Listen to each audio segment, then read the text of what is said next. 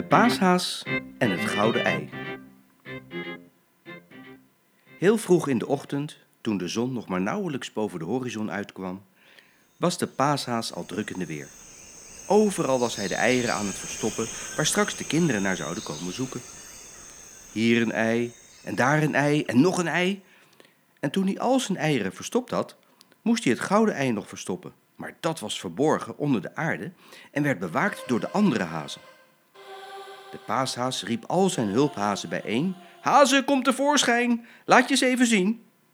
En zo kwam het ene haasje na het andere tevoorschijn en ze riepen elkaar en wachten tot ieder er was, zodat ze samen op weg konden gaan om het gouden ei te gaan halen en het te gaan verstoppen. Ze huppelden achter elkaar aan. Wij halen nu het gouden ei, het gouden, gouden ei.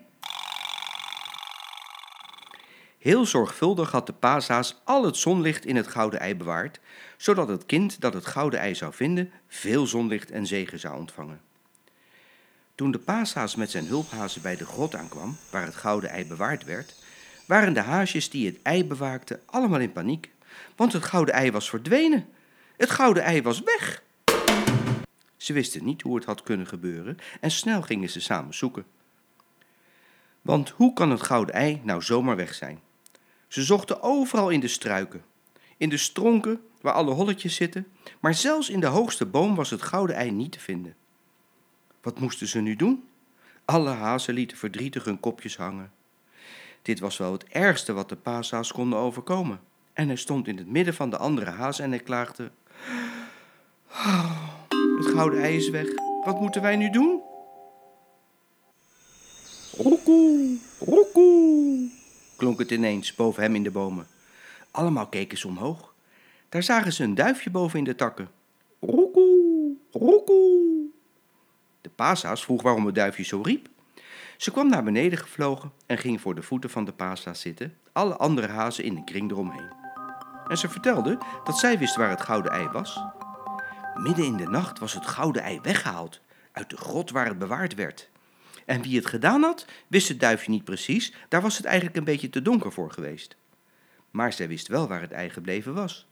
Ze was er namelijk achteraan gevlogen en toen gingen ze allemaal achter het duifje aan. Ze moesten ver door het bos totdat ze bij een hele grote oude boom kwamen van wel honderd jaar oud. Roekoe, roekoe. Het duifje koerde weer en dat betekende dat dit de plek was waar het gouden ei was aangekomen. De pasa's ging een holletje in dat tussen de wortels te zien was en daaruit kwam een dwerg tevoorschijn, die heel erg boos was en hij vroeg wat ze kwamen doen. De pasa's zei dat hier misschien het gouden ei verborgen was en na lang wachten zei de dwerg dat hij inderdaad het gouden ei gestolen had. Hij wilde ook wel eens wat zonlicht zien. Hij moest altijd maar onder de grond leven en werken. Hij had er genoeg van. De pasa's vertelde de dwerg dat zonlicht niet voor dwergen en kabouters is, maar juist voor mensen en kinderen was het zonlicht erg belangrijk. De paashaas beloofde dat de dwerg een mandje vol met eieren zou krijgen met Pasen, maar dat hij het gouden ei echt mee moest terugnemen.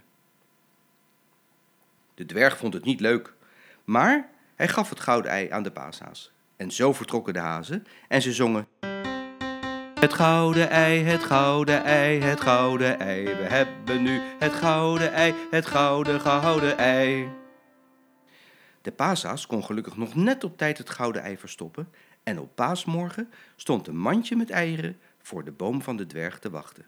En ze leefden nog lang en gelukkig.